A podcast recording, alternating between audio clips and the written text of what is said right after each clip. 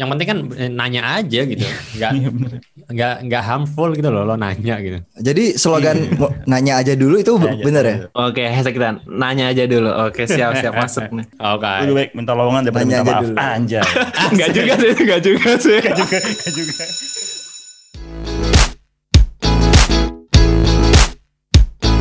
Guys, guys, di tempat kalian lagi pada buka lowongan gitu nggak sih? Ada lowongan kerja gitu nggak sih di pandemi gini? Di tempat gue masih buka lowongan sih. Masih banyak sih. Kenapa, Ji? Masih buka ya? Lu Kenapa, ada Ji? Masalah apa, bosen? Ji?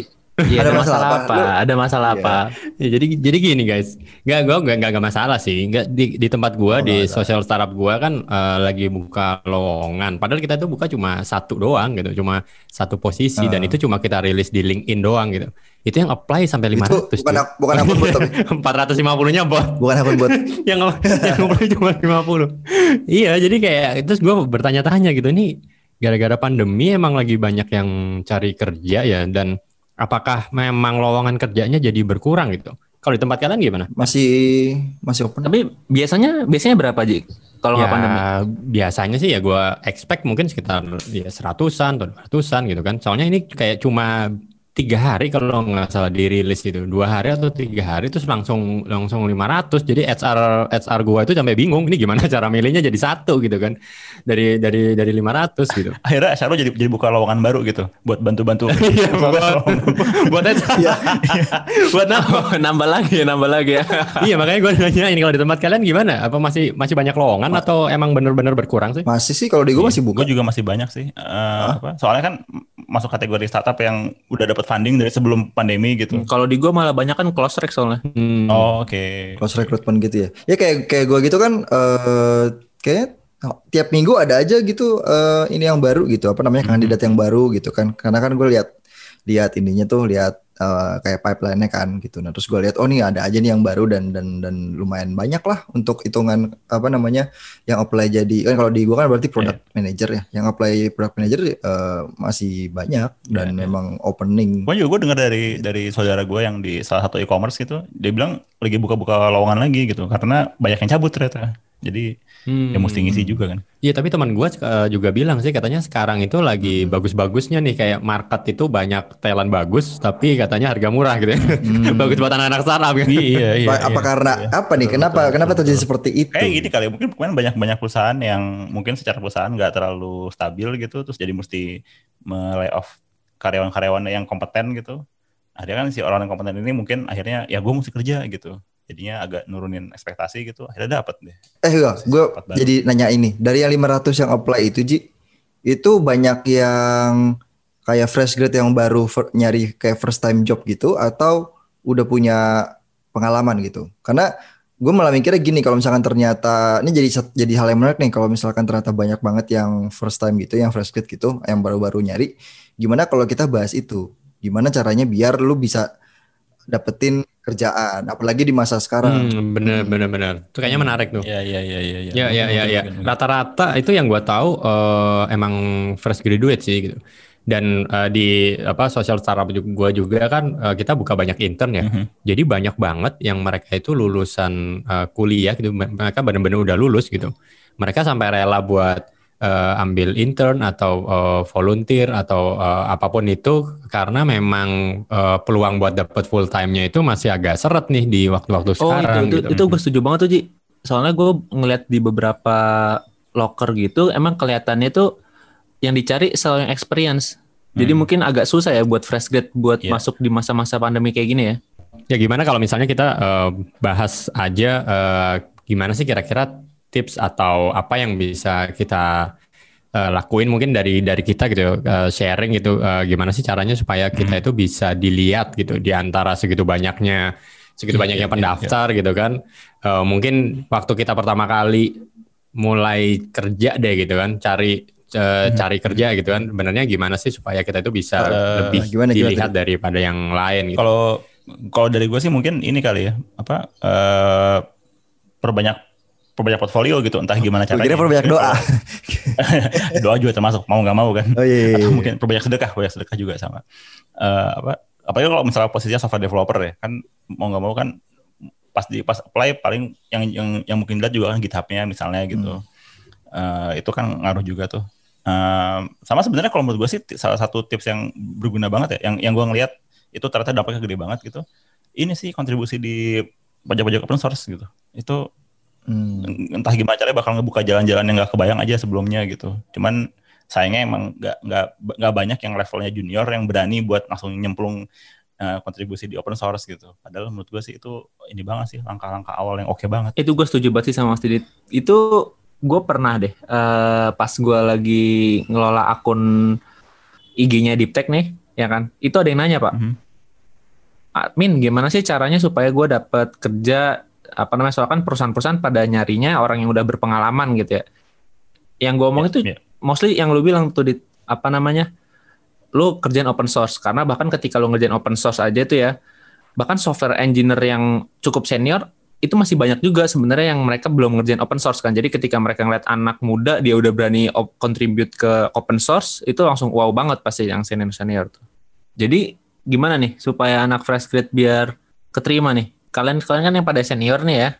Berarti kalau engineer tadi kan portofolio GitHub open source gitu itu kan engineer cuman itu nggak berlaku untuk semua kan. Ya marketing harus ngapain dia gitu loh. Ya ya, mungkin gue nambahin dikit uh, perbanyak ini kali ya, perbanyak network kali ya karena uh, sebenarnya kan referral itu masih uh, penting banget gitu. Jadi kalau misalnya lo kenal siapa gitu atau lo kenal uh, co-foundernya, apalagi di startup kan uh, kecil ya, uh, timnya itu kan nggak nggak nggak tim gede kan. Jadi uh, ke ke, ke co-founder itu uh, kita deket banget gitu. Jadi kalau misalnya uh, lo kenal dengan beberapa pemain di dunia startup gitu atau lo sering aktif di komunitas-komunitas itu bakal membantu banget. Gue jadi inget pak ini apa namanya artikel dari ini Mas Arya Hidayat. ini, ini tumben. Yang kebetulan lu baru baca ya? enggak, enggak, enggak. Gue enggak kayak Aji, gue enggak kayak Aji. Oh, enggak, enggak kayak Aji. Enggak kayak Aji ya. Aji kan gitu. Aji kan tiba-tiba kebetulan banget gue baru baca artikelnya gitu. Enggak ya? Ini berarti bukan ya? enggak, enggak. Gue kebetulan pengen promosi enggak, enggak sebenarnya enggak. nih, jadi uh, di artikel Mas Arya tuh ngomong kan kalau misalkan seorang co-founder nih ya, dia mau cari talent ya kan. Nah itu nyari talent tuh bukan lewat LinkedIn, bukan lewat apa namanya hmm. uh, job street gitu-gitu. Iya bukan lewat Tinder, ya, Tinder, Tinder. Tinder. Tapi ternyata lewat apa? Lewat Tinder? Oh bukan. Bukan. Gue gue udah bisa nembak lu bakal nanya itu pak. itu punchline gue tuh. Punchline gue tuh Tinder. Di gue dicuri sama Didit. Aduh. Oh iya. iya. Ya, oh, berarti kita udah udah udah mulai sepaham nah, ini. Ini pak. Jadi nyarinya itu ada di yeah. komunitas atau tempat-tempat nongkrong hmm. lainnya. Itu bisa dapetin orang-orang yang lebih di wah talent yang bagus tapi yang nggak ada tapinya sih bagus aja gitu loh. Mungkin lebih lebih ke talent bagus itu dari sisi kualitas, tapi yang biasanya lacking itu yang komitmennya bagus atau apa sih namanya reliability-nya gitu loh. Jadi atau dependability-nya itu eh bukan ya reliability-nya bagus gitu. Soalnya kalau gue punya punya pengalaman dulu pas di komunitas developer gitu ada aja kasus di mana oh nih orang nih bagus tapi uh, tiba-tiba dia ngilang gitu kan tiba-tiba uh, apa komunikasinya tuh nggak jalan bagus gitu kan Ap apalagi kalau dia di hire sebagai freelance gitu kan. Nah mungkin kenapa uh, kembali apa nyarinya itu dari komunitas nggak cuma dari kualitasnya secara skillnya itu jago tapi juga dia punya tanggung jawab yeah, yang bagus yeah. juga. Dan ada orang yang refer gitu eh nih kayaknya Rama anaknya bertanggung jawab nih kalau ada sampah dia buang kalau ada pintu lemari yang kebuka ditutup gitu kan. Kalau ada citato yang dalam lemari diambil dimakan kalau ada cakep gitu, kalau ada cakep ditemenin wah itu itu wajib itu wajib wajib. Iya benar. Iya. Iya. Di gerbong disamperin. Kalau ada kalau ada matahari di gerbong samperin gitu kan. Itu juga benar juga benar ya. untuk untuk diamankan untuk diamankan gue diem dulu deh buat sementara ya.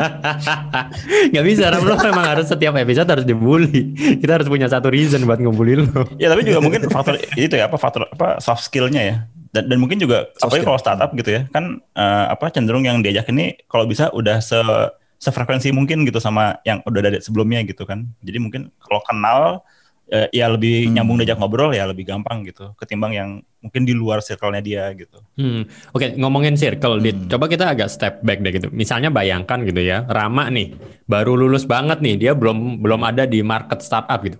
Yang harus dilakuin apa? Tadi kan oke okay, ngomongin komunitas, tapi uh, bisa nggak agak ditarik gimana caranya gabung ke komunitas supaya di dalam uh, uh, kita itu ada di dalam market startup. Mungkin teman-teman kan nggak benar-benar no clue nih gimana ya gitu. Ini baru lulus banget gitu. Lo bisa uh, ceritain gak? Sebenarnya goal utamanya kan supaya lo dikenal kan. Lo si Rama dikenal sebagai orang yang bisa hmm. apa gitu. Misalnya si Rama dikenal sebagai orang yang bisa uh, di tengah-tengah yeah. syuting uh, podcast ngoding gitu kan. kita nggak tahu kalau kita nggak tahu kalau kita nggak kenal Rama. Masih gitu. bisa bahas tentang kerjaan gitu. iya. Ya apa ya artinya kan mau nggak mau ya si si Rama sebagai yang masih baru masuk pasar apa job market gitu ya mesti bisa promosi dirinya gitu. Entah dengan ikut acara komunitas misalnya atau kalau sekarang kan sebenarnya juga bisa apa ya dalam tanda kutip personal branding gitu ya. Mau nulis ke uh, nge-tweet seputar bidang-bidang itu gitu. Gue rasa sih itu bisa dilakuin sih sebenarnya Hmm, oh gue paham nih maksudnya Mas Didit nih. Berarti daily behaviornya dari si orang tersebut tuh bisa dilihat orang juga ya. Kayak yeah. oh orang kayak tadi Pau juga ngomong kan masalah re reliable gitu kan terus apa tanggung jawab. Nah, itu kan kelihatan dari daily behavior dia kan kayak tadi buang sampah di tempatnya dan lain-lainnya. Mungkin kelihatan kalau di komunitas kan ya. Cuman kalau dari LinkedIn kan cuma dari CV kan nggak mungkin nulis kayak gitu. Iya, iya, iya. Kalau lo sendiri Ram, uh, mungkin lo bisa bisa share nggak pengalaman lo gitu. Lo lo uh, dapat kerja di startup ini juga karena referral gitu kan. Maksudnya lo awal mula dikenal gitu gimana? Nah, sebelum dari gua mending kita survei dulu nih dari kalian berapa yang daftar buat nyari kerja sama berapa dari kalian yang ditarik sama orang. Gue udah lama sih nggak daftar kerja sebenarnya kalau gue ya. Banyak, banyak, banyak kan ditariknya. Iya. sama sama sama. Gue juga banyak kan ditarik ya. Ya gue daftar kerja pertama kali, ya pertama kali sih pertama kali gue daftar kerja ya itu gue daftar. Tapi setelah itu kayak ditarik terus. Deh. Sama sama. Nah, kalau Pau gimana Pau? Kalau kalau gue sih gue pernah apply pernah diajakin atau ditarik gitu kan. Tapi uh, pun kalau gue apply pun kebanyakan juga karena kebanyakan juga karena memang udah udah apa ya udah udah ada kenalnya juga iya atau gue yang udah explore kira-kira kalau gue join itu bakal kayak gimana gitu. Jadi nggak yang nggak yang rapidly apply ke banyak tempat gitu sih kalau kalau oh, gue nggak mass apply gitu ya? Uh, karena gue dulu awalnya karena gue bikin uh, sendiri kan bikin sendiri terus dari situ build apa build networknya terus dari situ dapatlah opportunity opportunity opportunity baru gitu. Kalau gue sih malah ngeliatnya um, value-nya apa yang kita dapetin untuk kita pelajarin adalah yaitu uh, gue ngeliat rezeki gue itu so far dari orang-orang di sekitar nah. gue gitu yang yang gue kenal atau atau yeah. referensi dari beberapa orang yang gue kenal. Bener-bener. Gitu Sekarang balik lagi Ram ke lo belum jawab Ram pertanyaan gue Ram. Gimana sih ditanyain malah nanya yang lain. lo ke gue belum jawab ya. gue gue udah ngeles coba. gue udah mencoba ngeles padahal. Ya kalau gue sih mungkin pas ini pas pertama ya. Pas pertama uh, hmm. kalau gue apply sih. Pertama gue apply tapi itu gue as an intern Nah, baru dari intern itu build koneksi gue dari hmm. situ. Oh gini, kelihatan kan daily behavior gue kayak gimana pas intern, bla bla bla bla bla bla.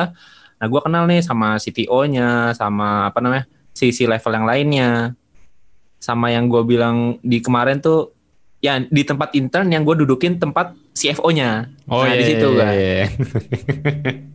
Oke oke. Tapi internnya itu uh, lo apply ya? Lo apply-nya maksudnya buka ke apa nemu di LinkedIn atau apply di mana? Gitu? Oh, gitu? nah ini agak aneh nih, gua apply-nya nih. Jadi tuh pas gua apply itu, gue cuma dikasih sama senior gua ada sebuah perusahaan AI di Indonesia. Nah, gue tertarik dong karena waktu itu masih dikit kan perusahaan AI. Ya udah kira gue cari, tapi dia nggak buka pak, nggak buka lowongan, hmm. nggak hmm. buka lowongan. Terus gue cari di BTW gue nyari di LinkedIn, terus gue cari siapa aja sih yang kerja di situ. Oh ada nih senior gue, gue nggak kenal nih, tapi satu alma mater sama gue. Ya udah gue chat, Mas buka nggak? Oh mau intern, ya udah kirim aja CV-nya. Nah dari situ gue da datang daftar lah dan terima gitu. Nah berarti ada satu tips lagi kalau gue ngeliat dari cerita lo tadi, berani ya yang penting kan, maksudnya lo berani ngontakin yang lo kenal aja iya. gitu kadang-kadang kan nggak gue kenal bahkan. Ya bahkan nggak nggak lo kenal gitu ya. Uh, lo ngelihat karena ini satu alma mater coba-coba aja gitu ya. Karena it, ya kalau gue ngelihat sih uh, pengalaman gue pun modelnya kayak gitu sih gitu. Gue gua cuma sekali bener kayak kayak didit itu yang gue ngeplay gitu. sisanya itu memang gue kalau nggak uh, gua ketemu sama bos-bosnya gitu ya, bos-bosnya perusahaan uh, itu, gitu akhirnya dia kenal sama gua, terus akhirnya gua ditarik gitu gitu sih. Jadi kayak uh, itu mungkin bisa mempermudah kita buat dapet buat uh, lebih kelihatan lebih stand out yeah. daripada iya orang-orang yang lain gitu kali ya? Uh, dan gue juga kayak berapa kali dapet tawaran ya bahkan nggak kenal ya cuman baca-baca tulisan gue gitu terus jadi terus kontak gitu. Itu juga beberapa kali sih kayak gitu. Ya pada intinya emang mau nggak mau sih apa mungkin ada ada ada ada ada orang-orang yang pengennya humble gitu kan. Ya nggak masalah cuman uh, apa ya kalau lu mau stand out ya mau nggak mau mesti ada effort lebih buat nunjukin bahwa hey gue bisa ini loh gitu. Hmm, ya ya ya ya. Tadi lu sempat mention kata-kata berani. Gue jujur itu banyak banget orang yang dari berani aja tuh dia belum bisa gitu belum bisa lewat tahap itu ya kan yeah. karena nih ini berdasarkan pengalaman gue ya ketika apa namanya gue tanya lu kenapa nggak apply sini lu kenapa nggak apply sini aduh gue belum cukup skill nih aduh gue hmm. uh, gue gue nggak hmm. yakin dengan diri gue hmm. sendiri gitu loh hmm. jadi mereka stop di situ gitu loh ya yeah, ya yeah, ya yeah. tapi itu lingkungan gue ya waktu itu waktu itu beberapa dari lingkungan gue kayak gitu ya ya ya Sepakat sih gue, um, karena kalau gue pun ketemu uh, di di di startup gue gitu ya kan, gue juga sering ngisi ke beberapa acara di kampus gitu. Itu rata-rata pertanyaannya juga sama sih gitu. Kak, gimana ya caranya supaya gue lebih pede gitu, supaya gue bisa lebih uh, apa berani buat uh, apply yang uh, tempat inilah berani buat uh, meng, apa istilahnya mengungkapkan rasa. Uh, kebenaran oh, menurut uh, dia gitu dia. keresahan. Yeah. jadi emang uh, kayaknya ini juga permasalahan kita di Indonesia kali ya. Karena mungkin kalau lo terlalu pede dibilangnya sombong gitu nggak sih? Tapi kalau kalau balik ke konteks ini kalau um, kalau menurut gue sih mungkin di awal uh, apa ya mungkin kita ada culture ag agak inferior kali ya. Kayak kita ngerasa orang lain apa kita tuh nggak worthy orang lain lebih lebih worthy dan segala macam. Itu dulu itu dulu sih mindset yang seperti itu yang perlu kita coba kesampingkan lah. Karena kan pada akhirnya yang bertanggung jawab untuk ningkatin karir karir kita untuk kita bisa dapetin opportunity lebih bagus kan kita sendiri nih. Yeah, yeah. nah berarti kan PD-nya itu tuh harus di uh, dibangun gitu. Nah, kalau misalkan menjawab tadi pertanyaannya Rama, yang sebenarnya gue juga sering sering ketemu sih kayak gimana sih caranya untuk mulai biar lebih pede dan segala macam. Itu sama kayak kita belajar sepeda gitu atau kita belajar berenang, ujung-ujungnya adalah lu latihan lebih sering mau nggak mau gitu. Kan nggak mungkin kita pertama kali lu naik sepeda langsung bisa ngebut atau bisa langsung apa ya segala macam trik gitu atau kayak lu belajar skateboard deh Nah kan di itu kan belajar uh, ini nih skaters kan gitu. Nah lu pertama kali lu pertama kali main skateboard apakah langsung bisa macam-macam langsung bisa segala macam gayanya Tony Hawk gitu kan enggak juga kan? Ya, bisa gue bisa, bisa gaya Tony Blank gue, Tony Blank. Paratos. Tony Blank aja. Sparatos. Rama gak ngerti, Rama gak ngerti. Ya, tahu gue, tahu gue Tony Blank. Ya. Oh, pernah, pernah denger sih gue. Maco banget gue kayak gitu ya. Enggak gue atau gue kira itu, gue kira gayanya ini Tony Stark yang cuma pakai iya iya gitu, pakai tangan-tangan doang. Iya, intinya itu sih intinya uh, mau nggak mau lu perlu kita semua perlu latihan gitu. Kita perlu belajar nggak um, ada nggak ada salahnya untuk bikin salah. Yang penting kita belajar terus gitu. Cuman masalahnya kadang orang di, dikasih tantangan dikit pun udah udah mental gitu. Kira aduh ribet ah nggak usah gitu. Nah itu itu sih sebenarnya yang lawan lawan besar kita tuh adalah mengalahkan apa ya keraguan kita sendiri keraguan kita terhadap diri sendiri. Dan menurut gua kadang satu, satu faktor lagi ya yang bikin yang mungkin bikin hmm. orang agak takut gitu ya. Mungkin ngelihat kualifikasi lowongannya oh, anjir gua nggak ngerti kayak gitu nggak usah deh gitu. Padahal sebenarnya kan waktu si lowongan kualifikasi lowongan itu dibikin juga mungkin proses bikinnya nggak semulus itu di internal perusahaannya ya jadi misalnya nih ada lowongan buat senior programmer yeah. golang misalnya. Terus yang junior ini aduh gue nggak berani ya yang caranya senior hmm. gitu. Padahal sebenarnya di perusahaan itu ada nih kejaran-kejaran hmm. junior yang nggak kepegang juga gitu. Kalau lo apply, orang tahu bahwa oh si ini tuh bisa golang hmm. meskipun masih level junior. Kayak kita butuh deh, sikat aja deh gitu. Karena kita nggak pernah tahu ya sampai kita ngirim lawak. Nah, itu itu menarik banget. Nah, itu benar banget. Itu benar Jadi, banget. apa pada akhirnya sebenarnya lowongan yang ada pun bukan berarti kayak spesifik hanya untuk itu. Jadi maksudnya yeah, lu kalau yeah. bukan senior nggak boleh apply, nggak juga. Nggak kadang gue juga ngeliat gini, kayak misalkan gue ngeliat uh, beberapa teman gue yang apply gitu kan, yeah. terus habis itu uh, atau ada orang-orang apply. Yeah. Uh, ini ini gue sebagai orang yang nge-review aplikan ya. Nah itu tuh banyak yang dia ngera, apa namanya kayak ngerjain tugas atau tesnya itu nggak matang gitu. Terus pas gue cek ternyata dia bilang nggak ada waktu. Padahal udah dikasih waktu hmm. misalkan tiga hari gitu kan. Nah masalahnya gini kalau kalau dia emang mau ngejar, mau ngejar apa ya si kesempatan itu ya kejar. Kalau misalkan ternyata dia nggak bisa ngejar, ya be profesional aja. Misalkan gini, oh kayaknya gue nggak bisa ngejar sekarang karena gue lagi ada kerjaan yang lain. eh tapi gue mau ngerjain nih, boleh nggak ya? Gue minta waktu lebih gitu. Nah, even apa ya mencoba untuk eh, negonya itu juga nggak muncul gitu. Nah itu yang yang Benar, benar, benar, benar. itu Mhm. Ya itu yang yang sebenarnya apa ya eh, kita tuh kurang hustling gitu loh. Kalau misalnya kita ngerasa ini penting, Benar, benar, Iya, benar. Eh, iya, Iya, iya. iya, iya. Iya. proses interview tuh bukan cuma ujian yang apa sih kayak ujian Saat itu doang gitu. saat itu doang gitu. Ah, ah, lu iya, bisa iya. tawar-tawar. Betul, betul itu, betul banget. Hmm. Tuh, karena kalau udah kejadian apa pun yang diomongin tuh jadi kayak alasan doang kan ya. Nah maksud maksudnya gimana?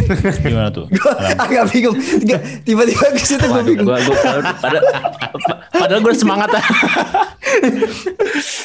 Gimana, gimana, gimana, gimana? Gini, gini, gini Pak. Maksudnya tuh Gimana, gini. gimana, gimana? Jadi kan misalkan tadi case-nya tuh si Pau nih produk kan apa eh, ada ada Hmm. orang apply ngerjainnya hasilnya kurang gitu kan. Terus dia Hmm. ngomong nih di akhir-akhir eh, apa namanya? Ke- waktunya kurang kan kayak gitu Ya, ya. benar. Nah, Ya. Kalau gue tuh sering lihat kalau dia ngomong waktu Hmm. di akhir-akhir tuh Ya, ya, itu sebagai alasan doang gitu loh. Ya, ya, ya ya. kan? ya, Cuman ya. kalau misalkan dia ngomong di Oh, tengah-tengah, iya, iya, ya iya, kan? iya, iya. eh eh gue kayaknya nggak bakal sempet nih waktu segini gue minta dong reschedule buat apa nah itu bukan alasan menurut gue itu emang ya ya alasan juga sih sebenarnya cuman ada Lebih- ada poin poin lebih lah gua- gitu Ya, tapi ya bener banget. Gue akan akan memberikan poin lebih untuk orang yang dia memang saat dia memang dia nggak bisa ngerjain tepat waktu, ya dia di depan dia kasih tahu dan dia kasih alasannya dan max. Iya, Kalau itu iya. mema- memang make sense ya ya udah kenapa enggak gitu. Eh sorry ya guys, eh gue nggak bisa ini, gue belum bisa ngerjain ini karena gue lagi ada ini ini, ini, ini yang lain. Ya kalau make sense ya udah gitu kan. Hmm, yang penting justru itu tadi gue yang penting sih. Bener di yang digaris bawain tadi yang bener kata Rama tadi sih beraninya itu gitu. Mungkin gue bisa share share dikit juga tentang berani ini ya. Di waktu gue kerjaan gue yang sebelumnya itu eh gue ke masuk ke perusahaan itu karena gue berani ngomong ke CEO-nya. Jadi CEO eh, yang di Indonesia gitu. Waktu itu gue ketemu di Jerman. eh, di mana anak-anak yang lain itu dia kan ngisi satu acara gitu ya. Anak-anak yang lain itu cuma ketemu Hmm. dia buat foto-foto doang guys gitu. Jadi kayak eh, Hmm, iya, Mister iya, iya. boleh foto gitu. Iya, Bi- Biasa lah gitu kan. Kita kalau misalnya ketemu ini, Iya, iya. wah ada CEO multinational company ini foto gitu. Kalau gua enggak gitu. Gua langsung tanyain aja. Gua baru lulus Lu dari suruh Jerman. fotoin gue gitu. balik- Mister, Mister tolong fotoin gua enggak? Dibalikin. Enggak, gua gua malah langsung tembak gitu. Gua baru lulus di eh, Jerman gitu ya, lulusan gua ini ini ini ini. Eh, lo punya lowongan enggak gitu? Langsung aja gua eh, berani gitu. Ya terus eh, surprisingly eh, beberapa minggu kemudian dia ngontak email gua gitu. Eh, Aji, ini ada lowongan nih gitu. Lo kirim eh, CV-nya deh ke gua dan akhirnya gua dapat dari situ gitu. Jadi sesimpel nanya, ya udahlah nothing tulus gitu. Lo eh eh, hustling. Jadi kayak eh dapat ya udah misalnya pun ditolak kan ya udah gitu kan kita nggak jadi mati gitu loh gitu kan enggak kan gitu kan ya udah cari yang lain gitu. Dunia Tapi kan- dunia nggak akan berakhir saat lu ditolak juga ya kan. iya, Masuk, langsung masuk nyanyikan. betul iya. Jadi ya coba coba aja gitu. Nah, it- itu yang menurut menurut gua apalagi di di dunia startup kayak sekarang gitu ya. Orang-orang kayak yang berani gitu nggak sih yang dicari gitu. Iya, benar benar. Gitu sih menurut Dan gua. mungkin juga apa ya? Gue ngasih bocoran aja ya. eh, apa di kantor gue yang di Amerika tuh, gue hampir setiap hari tuh selalu ada cold email yang nyampe, yang ini yang promosiin diri gitu. Hai kalian Hmm. Posisi ini nggak? Hai kalian butuh posisi ini nggak gitu. Dan itu yang ngirim eh, ini ya pe- pesorangan ya, bukan perusahaan gitu.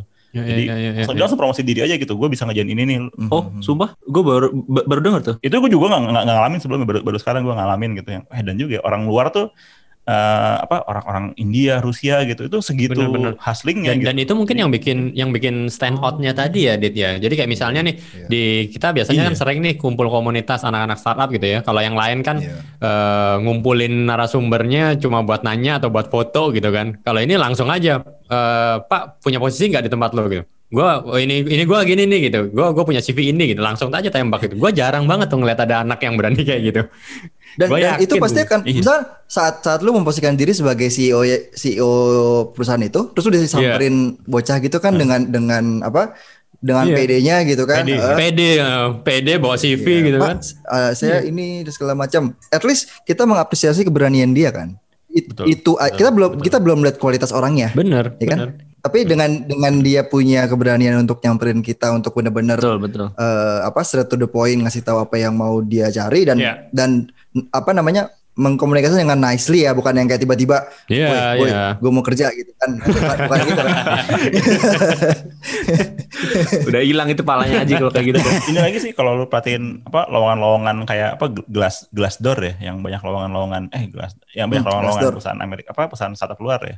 Itu hampir hampir semua posisi itu selalu menempatkan kalau kalau lowongan yang kita buka nggak ada yang buat kamu, jangan takut, tetap aja kirimin CV kamu karena siapa tahu kita butuh tiba-tiba gitu. Nah, yang gitu-gitu tuh mental-mental kayak gitu yang gue juga sama Oh. sekali nggak tahu sebelumnya, gue baru tahu, oh iya ternyata bisa kayak gitu ya. Menarik banget ya. Ya gue apply aja. Iya iya benar. Di sini Ini kan jarang, jarang, ya, dibuka kayak gitu. Padahal gitu. sebenarnya deep down pasti ada sih yang butuh-butuh lowongan yang nggak diiklanin gitu.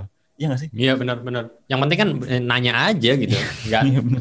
nggak nggak harmful gitu loh lo nanya gitu. Jadi slogan mau nanya aja dulu itu Nanya aja bener ya? Oke, hashtag kita nanya aja dulu. Oke, siap siap masuk nih. Oke. Lebih baik minta lowongan daripada Nanya minta aja maaf. dulu. Anjay.